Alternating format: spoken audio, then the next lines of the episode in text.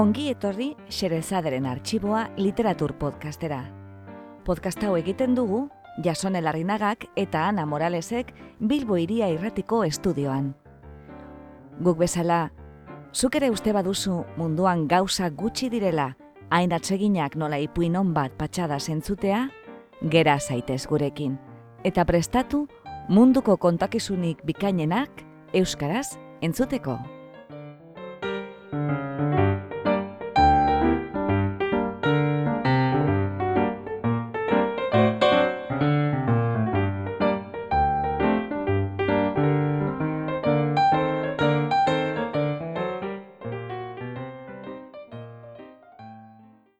Gaur, Xerezaderen arxiboan, ordu betean. Egilea, Kate Chopin. Itzultzailea, Garazi Ugalde. Gaur berriz ere dakargu Kate Chopin idazlea gure zaiora. 2008ko martxoan irakurri genuen haren beste ipuin bat, desdigeren umetsua, arrasakeriaz tindatutako desamodio baten historioa.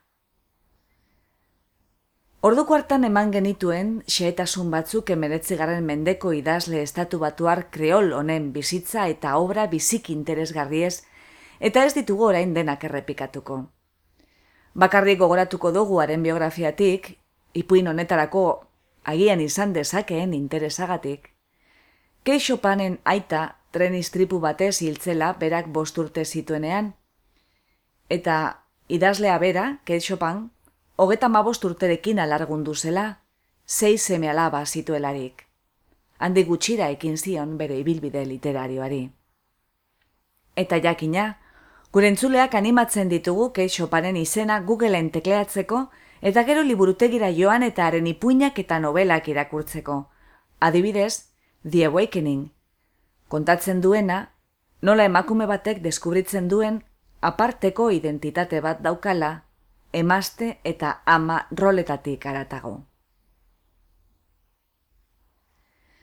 Gaur irakurriko dugun ipuinak ordu betean du izena, eta esan bezala garazio galdek euskeratu du.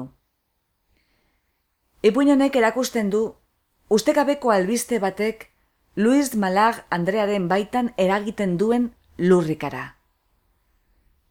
Besperarte, ikaraz pentsatu zuen bizitza luzea izan zitekela.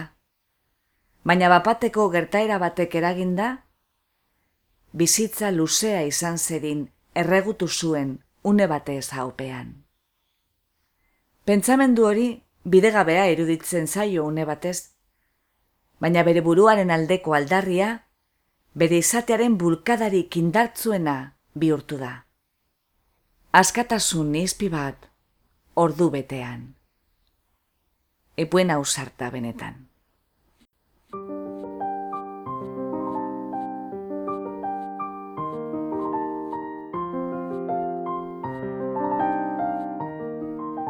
Ordu betean.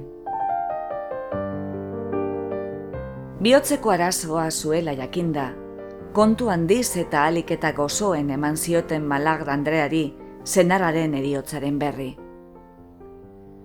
Haren aizpa Josefinek kontatu zion, esaldi etenen bidez, erdi eskutuka ikusarazten zuten zehar esan lauzoen bidez. Zenarraren lagun Richards ere, bertan zen, bere aldamenean.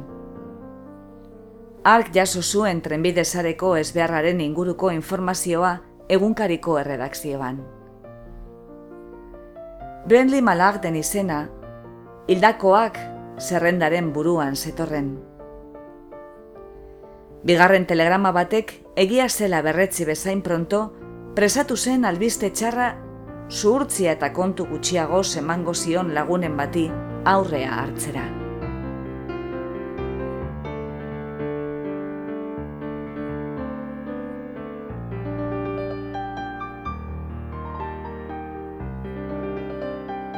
Ez zuen entzun kontakizuna emakume askok alakoak entzun izan dituzten moduan, aditutakoaren garrantziaz jabetzeko ezintasuna geldiarazita.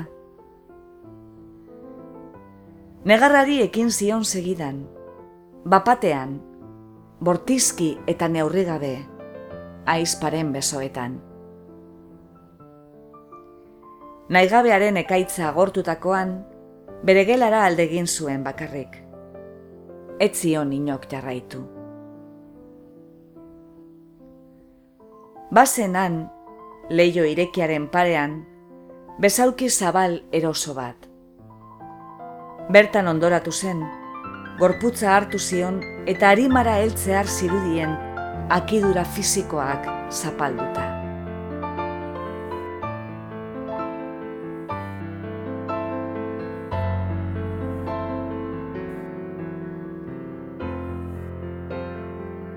Etxearen pareko zabalgunean, udaberri jaio berriak astindutako zuaitzen gainaldeak ikusitzakeen.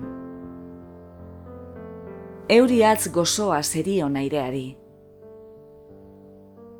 Beko kalean, saltzaile bat salgaiak aldarrikatzen zebilen. Norbaitek urrunean abestutako kanta baten notak heldu zitzaizkion ahul, eta ezin konta ala txolarre txorrotxoka zebiltzan telatu egaletan. Leioaren parean, mendebaldean elkartu eta bata bestearen gainean pilatutako odeien artetik, zeru zati urdinak agertzen ziren han hemen.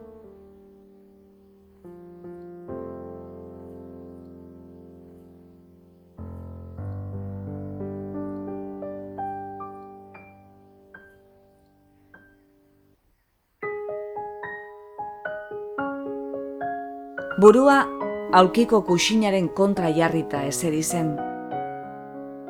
Zeharo geldi, negar sotin batek estarrian gora egin eta astintzen zuenean salbu. Lo hartu artean negarre saritu den aurrak ametsetan negar sotinka jarraitzen duen gizan.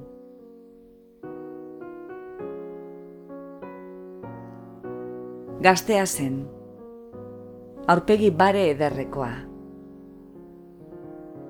Haren zimurrek zapalkuntza erakusten zuten, eta baita nolabaiteko kemena ere.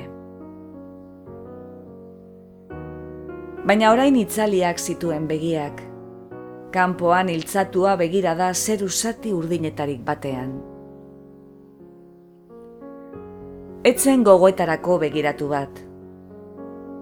Aldiz, pentsamendu argia eten izana adierazten zuen. Zerbait zetorkion eta haren zain zegoen, izuti. Zer rote zen?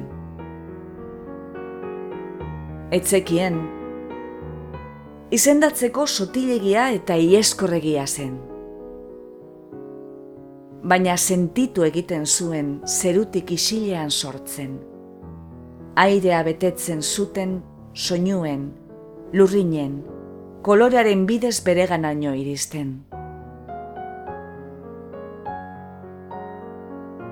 Orain, bularra hasi eta beheratu egiten zitzaion gora beratzu.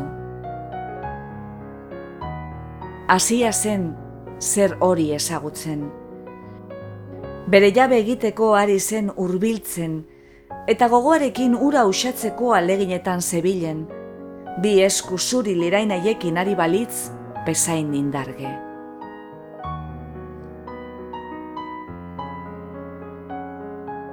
Bere burua utzi zuenean, hitz txiki baten xuxurlak egin zion alde, erdirekitako espainetatik. Behin eta berriro esan zuen arnaska.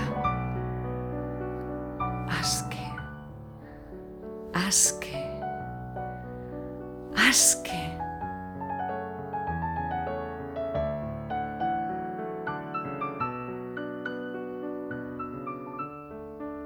Begirada itxak eta ondoren etorri zen begi kolpe izutiak alde egin zioten begietatik.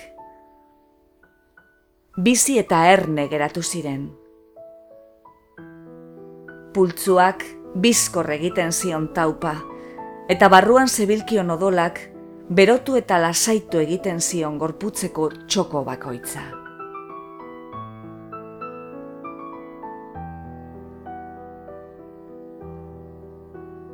Ez zuen luzaroan pentsatu, hartu zuen posa izugarrikeria ote zen.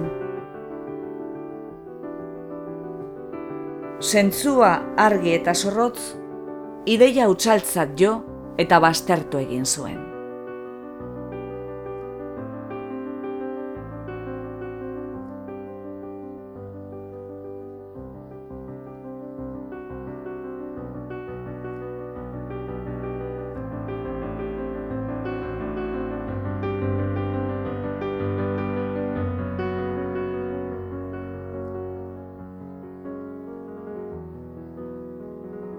Basekien ikusitakoan berriro ere negar egingo zuela. Erioak bildutako esku samurrestiak. Maitekiro baino begiratu ezin ezion aurpegia, sorgor eta gris eta hilik. Baina une mingotz hartaz araindi, etorkizunean bere bereak izango ziren urteen errenkada luzea ikusi zuen. Eta besoak zabaldu eta lusatu zizkien ongi etorria egiteko.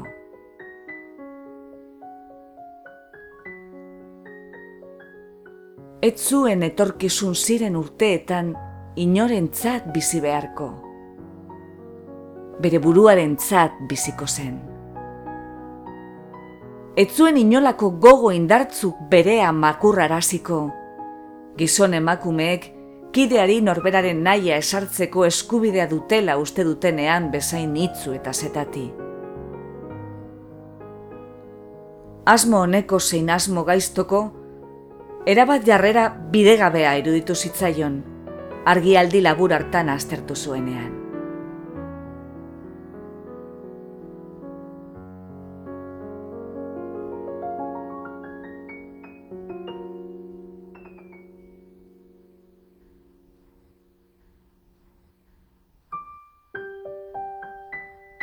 Eta maite izan zuen alere, batzuetan.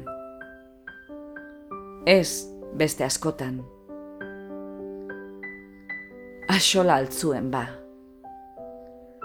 Baute zuen baliorik maitasunak, argitu gabeko misterioak, bere buruaren aldeko aldarria bapatean izatearen bulkadarik indartzuena bihurtu zitzaionean. Aske. Gorputza eta harima aske. Jarraitu zuen xuxurlan.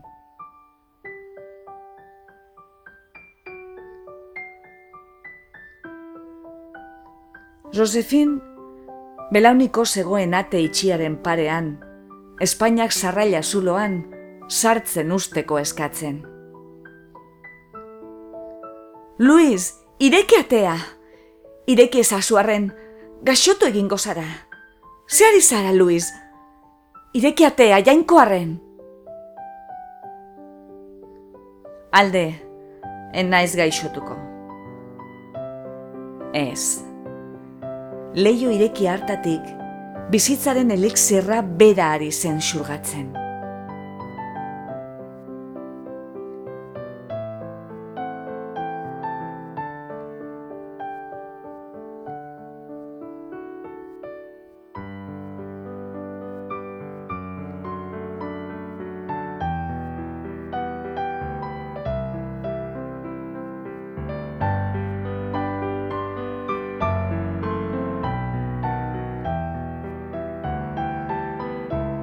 Irudimena aske utzi zuen aurrean zituen egunetan barrena. Udaberriko egunak eta udako egunak eta giza guztietako egunak bere bereak izango ziren.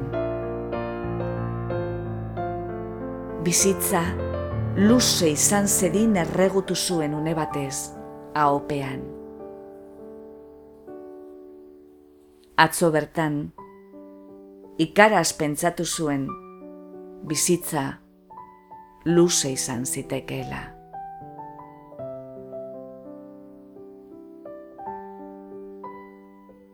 Azkenean zutitu eta atea ireki zien aizparen enbarazuei. garaipen zuarra zuen begietan. Eta garaipenaren jainkosaren jarrera hartu zuen oarkabean. Aizparen gerria inguratuta, elkarrekin egin zuten eskaileretan behera. Richards zuten behan zain.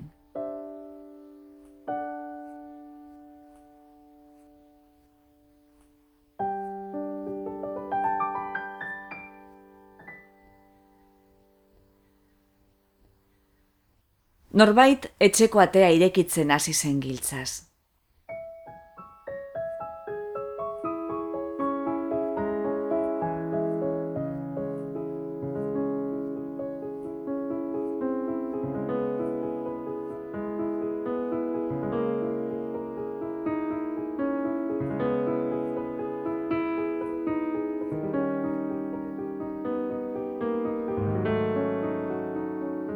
Brendli Malard sartu zen.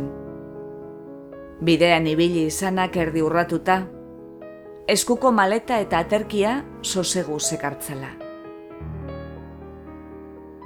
Istripoaren lekutik urrun ibili zen. Etzekien alakorik izan zenik ere. Arrituta geratu zen Josefinen garrasi erdiragarriekin eta Richardsek gizona emaztearen biztatik kentzeko egindako mugimendu askarrarekin.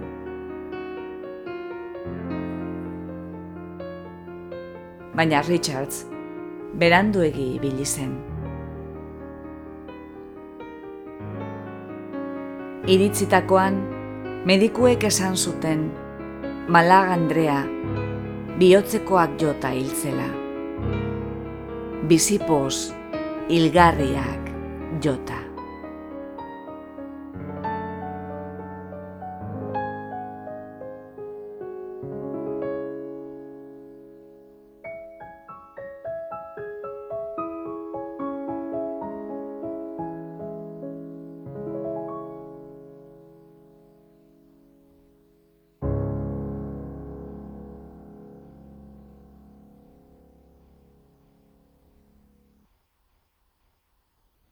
Entzun duzu, ordu betean. Egilea, Kate Chopin. Izultzailea, Garazi Ugalde.